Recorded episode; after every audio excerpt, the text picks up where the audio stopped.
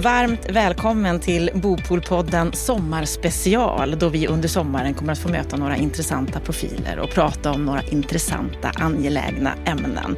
Ett samtal som är inspelat mitt under självaste Almedalsveckan i Visby på min segelbåt, min trimaran.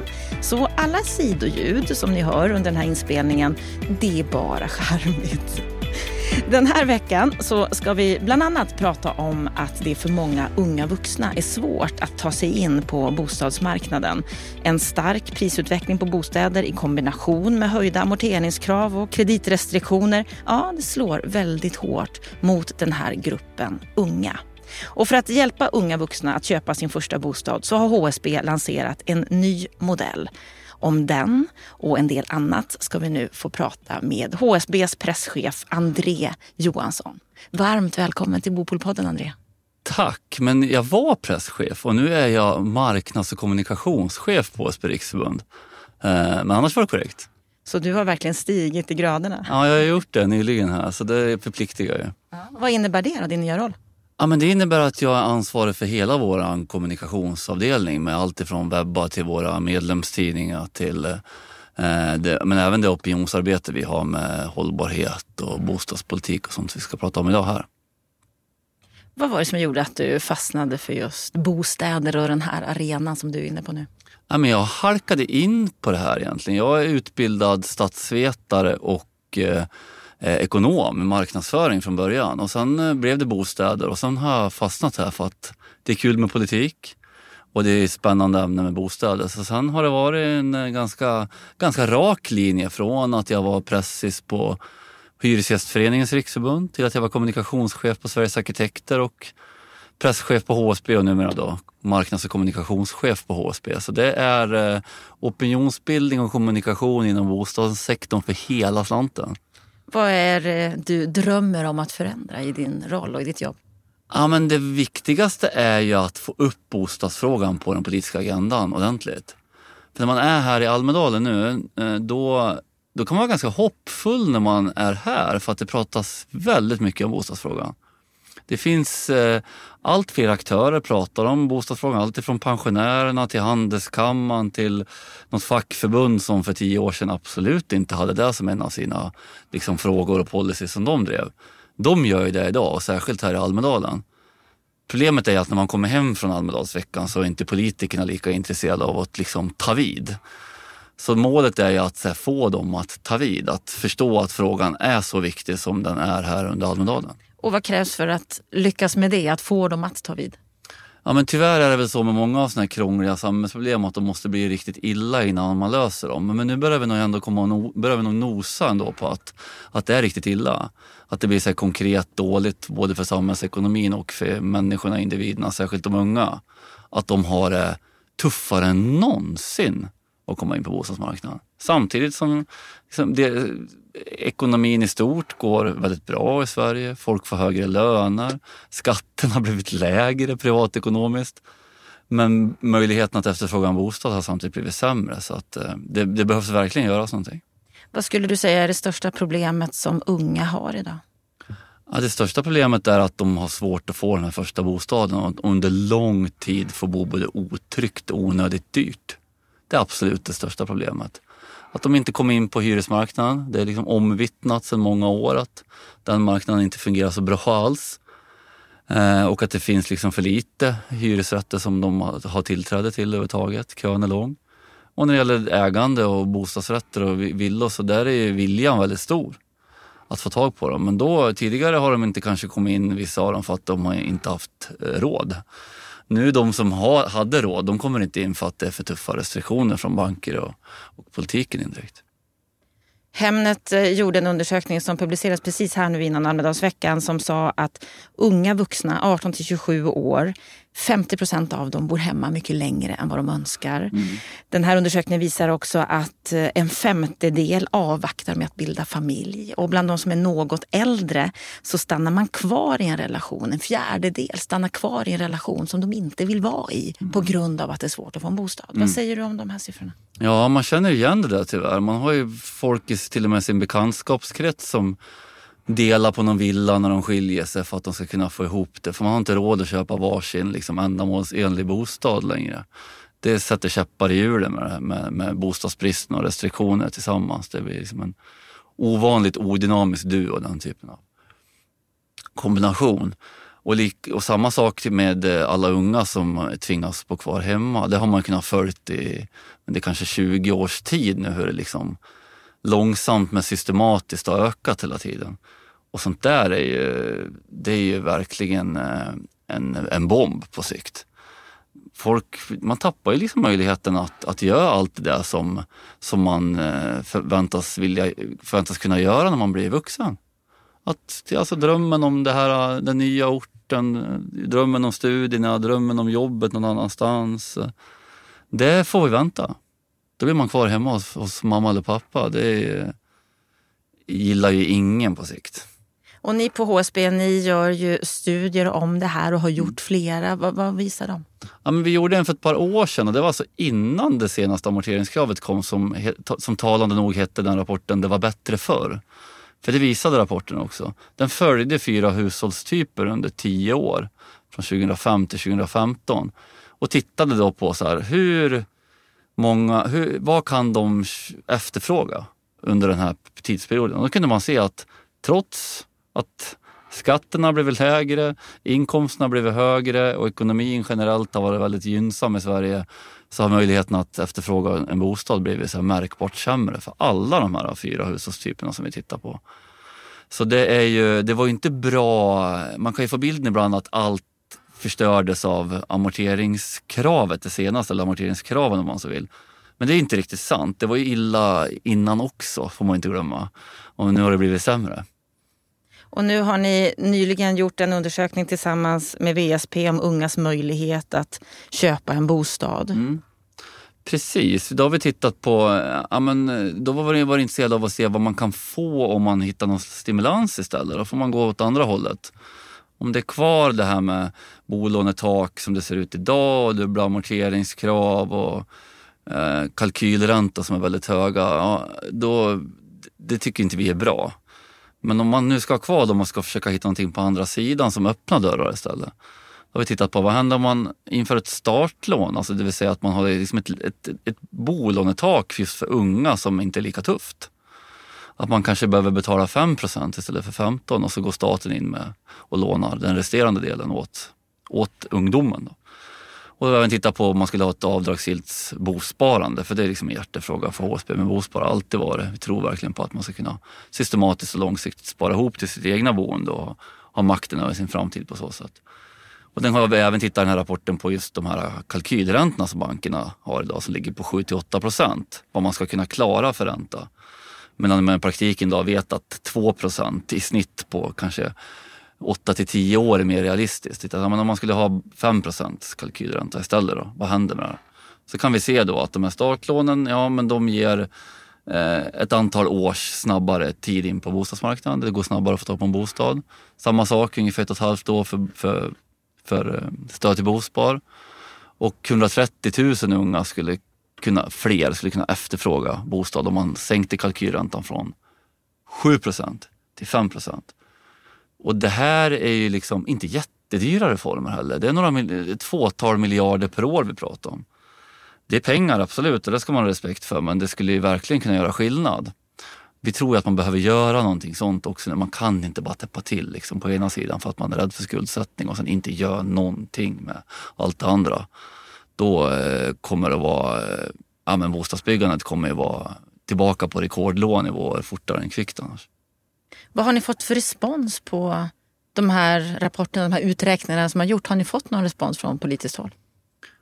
Från politiskt håll, eh, det, det, det kanske är att ta i och säga att vi har fått så mycket om. De vet väl kanske ganska väl om den här problembilden men man måste ju fortsätta berätta om vad, vad saker och ting får för konsekvenser och vad saker och ting kan leda till. Det är enda chansen för att liksom också hjälpa politiker för att liksom fatta kloka beslut, att de ser vad som faktiskt betalar sig. Men vi har i alla fall sett att det har haft ett nyhetsvärde att debattredaktioner och nyhetsredaktioner har tagit in liksom, resultatet av det här. Så det är ju ett, visar väl ändå på relevansen i att det är, är någonting att ha där vi, där vi, har, eh, där vi för fram helt enkelt.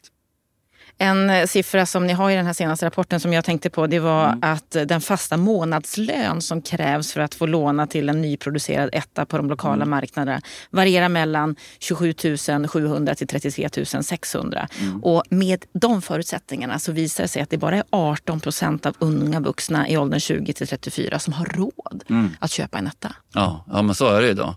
Och det blir ju, det blir ju knepigt då när de har när, de, när den här stora gruppen som e, egentligen har råd också inte har råd för att bankerna räknar på ett väldigt tufft sätt för att de ska få ihop den här kalkylen. Så att det, det, är, det är inte lätt att vara ung idag, det kan man säga. Ni har startat ett nytt initiativ, något som ni kallar för HSB Dela. Mm. Vad är det exakt? Ja, men det, det, vi har ju, man kan inte bara gnälla. Det går liksom inte. Man måste, man måste bidra med någonting själv också. Annars blir man irrelevant som, som opinionsaktör. Det, det vet väl alla med självaktning. Så det har egentligen alltid varit så här HSBs eh, idé från början. Att så här, man hittar någon marknadsstörning, något som inte funkar, då försöker man själv vara med och bidra. Ibland behöver politiken göra det, men man kan också göra någonting själv.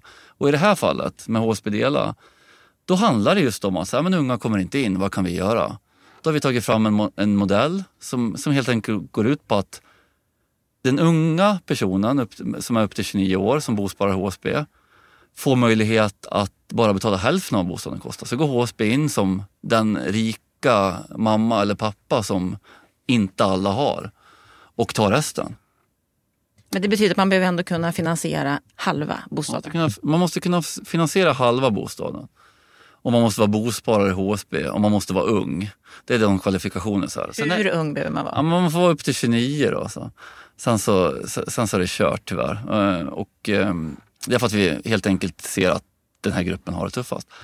Men det här, är, det här är en ganska avancerad modell som vi har hållit på att förnula på i flera år. Eh, och nu har vi liksom inte riktigt svar på alla frågor men tillräckligt många för att vi tycker att så här, nu är det dags att sjösätta och testa med det. Så vi gör ett pilotprojekt nu i Göteborg, Lindhagen där, BRF Blanka. Det är en, ett nytt projekt, fint, vingård ritat liksom vid vattnet.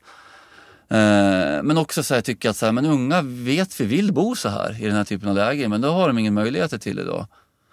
Eh, och då kan man se då att eh, det här är nytt och det här har varit ute några veckor och vi fick in 200 drygt intresseanmälningar väldigt snabbt som var skarpa. Så det är redan tecknade kontrakt på de här.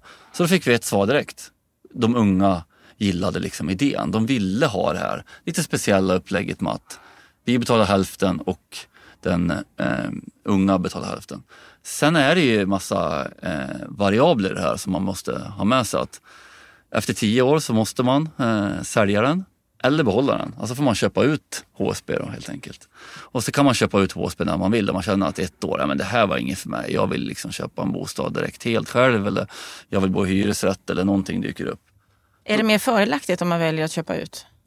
Nej, då, när, man, när man gör det, alltså, då gör man en oberoende värdering. En mäklare kommer in och, och som, man, som värderar bostaden och så delar man på vinsten eller förlusten. Och vad händer om man inte klarar av att köpa ut HSB efter tio år? Då köper HSB tillbaka den.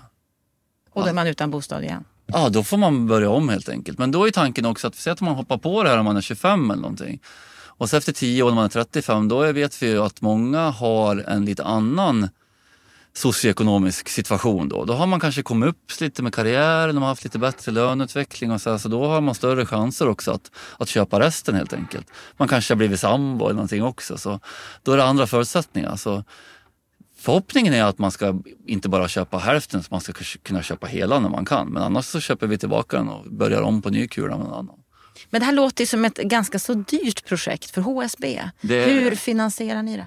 Vi finansierar det här själva först, alltså med de pengar som vi redan har. För även fast det är lite tuffare tider på bostadsmarknaden just nu så HSB är stort och vi bygger över hela landet så vår kassa liksom ändå, den är förhållandevis stark. Så vi kan göra sånt här, men vi kan ju inte göra det här i den skala som vi skulle vilja med, de, med den kassa vi har nu. Det skulle liksom inte balansräkningen tåla, utan nu är vår tanke med HSB Dela nu det är att vi testar det här nu. Vi har redan fått vissa svar. Vi behöver få något sånt där skattetekniskt som är lite krångligt också, som vi tror kommer lösa sig bra. Sen kommer vi förhoppningsvis kanske testa något nytt pilotprojekt. Det vet vi inte än, men det liksom ligger ändå i... Det är, ändå, det är, en, det är en förhoppning att man ska kunna göra det. Och sen vill vi ju att det här ska finnas på många ställen runt om i landet. Men det krävs en, någon fond, någon finansierings för att det ska gå, gå i lås. Vi kan, ingen kan ligga ute med 30 miljoner i tio år bara sådär. Det, det funkar liksom inte. Det går i något enstaka. Men, så det är det vi ska jobba på sen, hitta finansiering till det här i inom fondlösning eller liknande. Och hur realistiskt är det att det här verkligen kan bli verklighet? Att det kan bli ett långsiktigt, mer storskaligt projekt? Ja, men det tror jag absolut att det har goda för. Så det här är inte bara ett PR-jippo från Nej, det är det verkligen inte. Nu har det fallit, fallit ganska väl ut. Många är intresserade av när någonting som är nytt och när man är nytänkande. Det är alltid intressant såklart. Men nej, det här är absolut långsiktigt och vi har hållit på med det här som sagt i flera år och filat på den här idén. Så att det är ingenting som har dykt upp och som man bara har skjutit ut för att det ska för att man märker direkt att det är bra. Utan det här är verkligen genomarbetat och är tänkt att pågå länge. Vi tror verkligen att det här är en smart lösning som, som många, många, många fler ska kunna ta del av på sikt. Om eh, vi går tillbaka lite grann till det vi pratade om förut mm. med unga svårighet att låna så är ju det här konceptet med HSB Dela mm. också okänt på marknaden. Det är okänt för bankerna. Ja, Hur kommer det att gå för de unga att faktiskt låna hos banken? När man ska bara låna hälften menar du? Ja, det går nog bättre för att då fastnar de inte i de här äh, kalkylerna och liknande. Äh, och de kontakter vi haft med bank kring det här första projektet, det gick väldigt bra. Äh, så att jag tror att det kommer vara liksom roligare för en ung att gå till banken i ett sånt här koncept än när man går dit själv utan någon rik mamma eller pappa som kan stötta i bakgrunden. För då blir man ofta besviken fast man ser att man egentligen har kanske pengarna som täcker liksom kostnaden eh, månad för månad för att hantera den. Ni fick ju dock en del media när ni gick ut med detta, yes. så lite bra PR var det ju Absolut. ändå. Absolut, ja, ja, ja, men det får man verkligen. Det hade varit förtjänt, så det var bra grejer ska uppmärksammas. En sak som sades då i en av artiklarna det var att politiken politiken har misslyckats totalt och stängt ute en hel generation från bostadsmarknaden, sa ni då. Ja. Vad är det politiken har misslyckats totalt med? Nej, men det, det går ju tillbaka till 90-talskrisen när man, eh, när man eh, då var tvungen att skära ner på väldigt många områden. Däribland bostadspolitiken då. Då var ju bostadspolitiken väldigt dyr.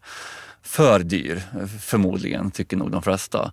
Men man ersatte det inte med någonting nytt heller. Så att man har liksom aldrig tagit tag i den där. När man abdikerade det på 90-talet, då kanske man hade liksom halvgoda grunder.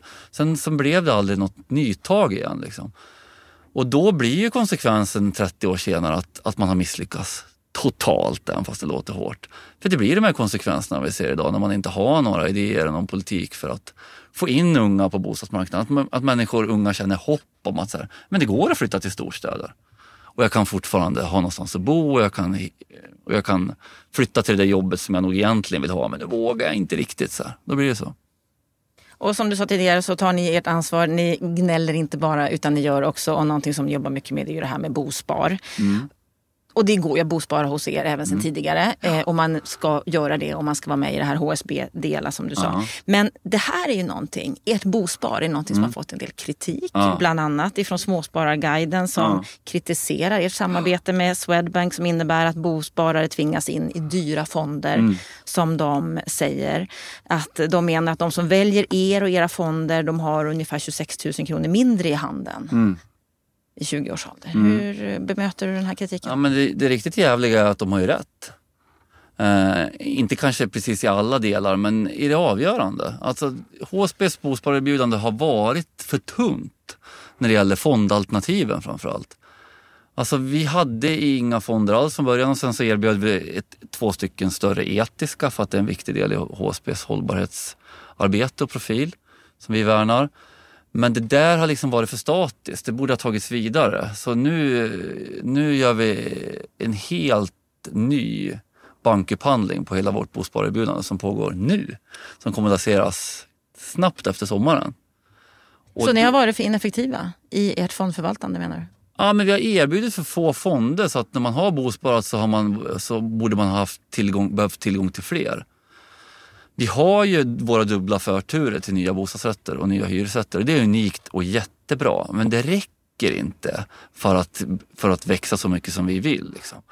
Då måste man också ha så attraktiva, bra eh, fonder som man kan välja mellan. Så att, eller man behöver inte spara fonder men det kan vara eh, vanliga räntekonton. Men de har ju varit låga nu för alla så det är inte så mycket att göra någonting åt när vi har haft det här extrema ränteläget som vi har idag. Man måste absolut kunna förväntas att ha liksom ISK-konton eller motsvarande, alltså sånt som är det mest attraktiva sparfonderna på marknaden. Det måste också finnas i HSBs Bospar och det kommer det att göra snart. Betyder det här att ni har lurat dem som har bosparat hos er? Nej, det har ju varit öppet med vad vi har erbjuda hela tiden. Och, och, och, man ska säga det också, de senaste fem åren så har antalet bosparare gått från dryga 90 till drygt 130 000. Så, att in, så in, erbjudandet i sig är väldigt in, attraktivt och intressant. Och vi har ju varit, de, de erbjudanden vi har, det, är ju, det har ju varit eh, ja, liksom öppet och tydligt. Så det finns liksom inget dolt eller något sånt där kring det. Men man borde ha tidigare gått vidare med att erbjuda fler fonder och nu gör vi liksom en stor eh, ett omtag och upphandlar, eh, tittar på en helt ny lösning. Liksom, så att det kommer att se ganska annorlunda ut eh, snart. Så att det, de har haft rätt i att det, att det borde ha varit bättre och därför, och därför skärper vi oss. Vad förväntar ni er för eh, förbättring från er sida när det gäller den här nya upphandlingen och nya fonder?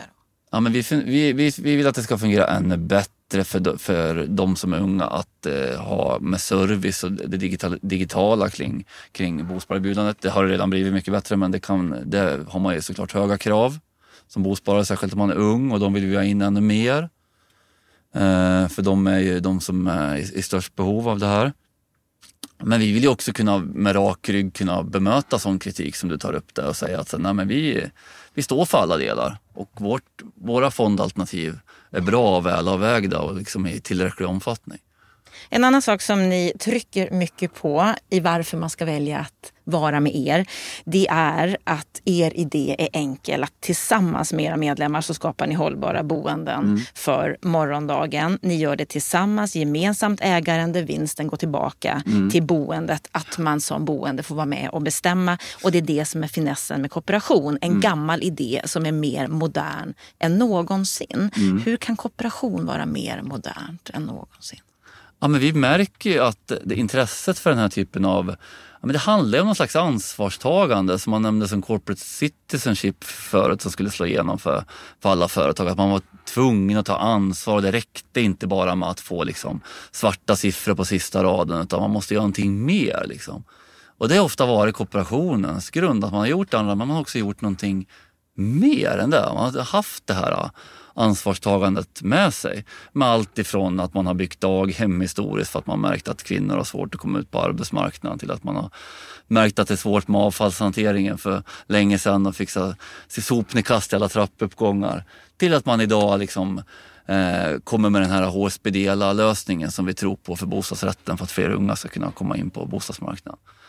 Det är ju en del av kooperationens ansvarstagande som, vi, som man eh, som man bör förväntas av en Är det attraktivt för unga att gå in i en kooperativ förening på det här sättet? Att arbeta där eller menar du i en bostadsrättsförening? Eller? Ja, men i en bostadsrättsförening där finns det absolut ett behov av föryngring i vissa fall. Men det, det tycker jag är intressant för att man kan ibland få bilden av att, så här, att sitta till exempel i en styrelse i en bostadsrättsförening. Det är liksom ingen som vill för att man sitter där och hukar på något möte och så tror man kanske att det är många som inte får ihop en styrelse och att det liksom är ett problem. Och det kan absolut liksom vara i något, i något fall man får tjata lite för att få till det men det är ju förbluffande få gånger som det liksom inte löser sig.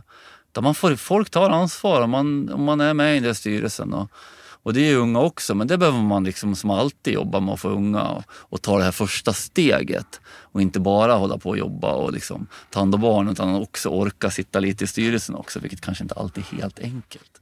I Almedalen så arrangerade ni ett seminarium som ni kallar för Ungas bostadsdrömmar, ett hot mot samhällsekonomin. Ja. På vilket sätt är ungas bostadsdrömmar ett hot mot samhällsekonomin?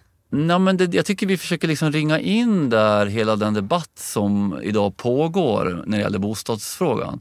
Den handlar nästan bara om det just nu ska jag säga. Det finns liksom två kanske läger lite hår, hårdraget.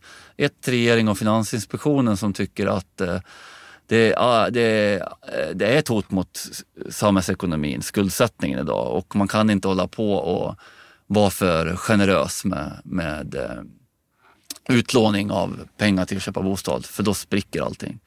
Och så har vi ett annat ganska stort gäng med, ganska, med många ekonomer och även chefekonomer på banker och en ändå får man säga rätt enad bostadsbransch som tycker att det där är lite överdrivet. Alltså ni kan inte lägga allt fokus på skuldsättningen. Så. Och då, eh, då blir det liksom en kamp mellan de här två olika lägernas verklighetsbilder som är helt avgörande för vilken politik man lägger fram. Och tyvärr har väl Per Bolund som är liksom ganska ny bostadsminister nu, åtminstone i sin tidigare roll när han har varit finans, eh, finansmarknadsminister, varit väldigt förtjust i den här typen av eh, restriktioner och orolig för skuldsättning och så här. Och det vill man ju liksom få, man vill ju, med, med den här typen av seminarier vill man ju få eh, sådana som Per Bolund på lite andra tankar. Tror ni att ni kommer lyckas med det? Ja, men jag tror att man kommer att märka att de här konsekvenserna som blir av den, den förda politiken idag kommer att tvingas, tvinga dem att göra förändringar. Jag tror till exempel att eh, just bolånetaket har spelat ut sin roll i sin nuvarande omfattning. När det kom, då hade vi ju inga amorteringskrav eller några kalkylräntor som var tilltagna på det här sättet. Utan då fanns det bara dem och då gjorde ju de ett jobb. Men nu eh, blir det hängslen och livrem och jag vet inte vad. Och då måste man ha börjat, då tror jag att det enklaste sättet är att skära lite i det taket så att man helt enkelt inte, ja men ungefär som ett startlån eller motsvarande, att den unga eller individen inte behöver lägga in lika mycket pengar i insats. Att det måste staten kliva in och ta finansiell ansvar och pytteliten risk, vilket handlar om. Något annat som ni fokuserar och engagerar er väldigt mycket och konkret i det är ju hur vi vill bo mm. i framtiden. Mm. Ni har ju ett eget Living Lab, HSB Living Lab på Chalmers i Göteborg där ni har en studie som verkligen studerar hur människor bor idag och hur de vill bo framåt. Mm. Vad tror du, hur vill vi bo om 20 år? Ja, det vet jag nog faktiskt inte. Det, det är sånt där som man inte ens ska, ska svara på tror jag. För då hamnar man nog gärna snett för det kommer ju att gå rasande snabbt tror jag. Särskilt det här med smarta hem och den delen. Fast så, måste ni inte veta? Ja, I tanken med hur jo, ni utvecklar era erbjudanden? Men inte så långt fram tror jag. Det är just därför vi har HSB Living Lab. För att vi ska kunna se liksom vad som faktiskt också funkar. Nu har vi liksom ett 50-tal forskningsprojekt samtidigt som pågår i det här huset där studenter bor, helt vanligt, men det finns 2000 sensorer som mäter vad, vad de gör för någonting på olika sätt, energiåtgång i huset och så här. Och sen så vill ju vi sitta så här, vilket av det här som vi testar och forskar på, vilket funkar och vi märker vilken vinst vi har. Vi kan ta ett exempel, ett, ett annat seminarium vi ska ha som handlar om, eh, som är lite så här draknästet-stil, där vi ska testa så här, eh, hållbara innovationer. Bland annat inom boendet. Och då ska vi prata om, från HSBs räkning, om gråvatten. Det låter inte jättesexigt kanske. Men det är spännande just för att det är det här liksom duschvattnet där vi har när vi var inne på toan. Som inte blir så himla skitigt. Det släpper man bara också ut och det lämnar ju fastigheter och går in i reningsverket idag. Det är ett typiskt sånt exempel på en ganska enkel sak. Kan man inte bara ta det där gråvattnet och så ha ett litet jättesmidigt smart reningsverk i fastigheten och så köra runt det igen. Liksom så har vi sparat oerhört mycket energi på det. Både när det gäller vattenförbrukning men också energifrågan. Det är säkert, tänk om man får ut en sån sak i hela nyproduktionsbeståndet i Sverige. Då har man liksom en, en, då har man en del i framtidens boende som vi inte riktigt vet om det funkar än, men som vi tror att det där är spännande. Så några av de sakerna kommer säkerligen att, att flyga. Och då kommer de att vara en del av det där framtidens boende om 20 år som inte jag vet riktigt vad det är.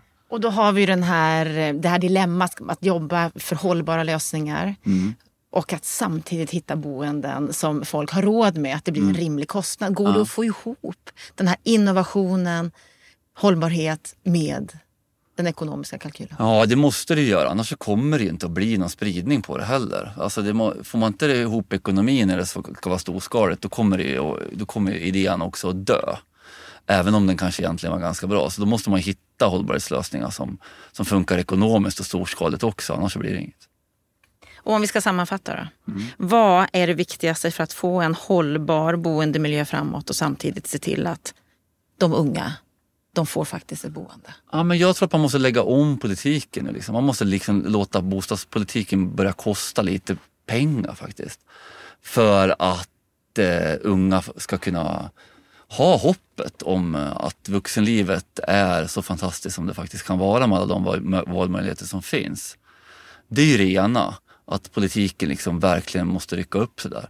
Och sen det här andra med, med, med, hållbarhet och så. Det tycker jag liksom att mycket görs i nyproduktion idag. Där är det, ganska, där är det bra energiprestanda. Många bygger enligt miljöbyggnad Silver som HSB också gör och då, då ligger man liksom bra till och tar ett stort ansvar. Men utmaningen där är väl det befintliga beståndet, att det finns väldigt många äldre fastigheter som läcker en del energi och som skulle behöva. Och sånt kostar också pengar så att det är väl utmaningen när det gäller den delen. Och när det gäller att få politikerna att tänka om och göra, göra nytt och göra rätt. Mm. Vad är din känsla för den regering vi har nu, för den bostadsminister som sitter vid rodret ja, just nu? Inte jättebra just nu skulle jag säga. Men det är, vi har ju precis börjat men det har inte imponerat än så länge. Och sen tror jag att vi, ett problem idag att vi har vår, januariavtalet är ju inte så bra för bostadspolitiken. Dels är det få punkter som ingår i den. Ingenting som påverkar någonting på riktigt. Men framförallt så kommer det vara så stort tryck för regeringen att beta av alla de här 73 punkterna.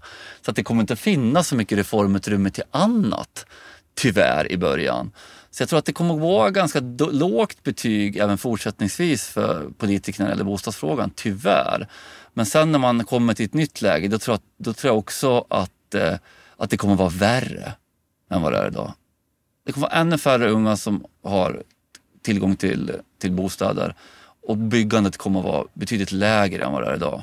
Så då kommer man att tvingas till att agera tror jag. Vi behöver lite mer krissituation. Tyvärr, tyvärr är det så. Att, eh, lite för ofta krävs det därför att få till de här stora radikala förändringarna av ett politikområde. Ja, vi får se hur illa det behöver bli innan det blir någon skillnad inom bostadspolitiken. André Johansson, nu har du varit med i Bopolpodden inspelad i en varm trimaran under Almedalsveckan. Hur har det känts? Det har känts bra, men nu behöver jag få luft känner jag.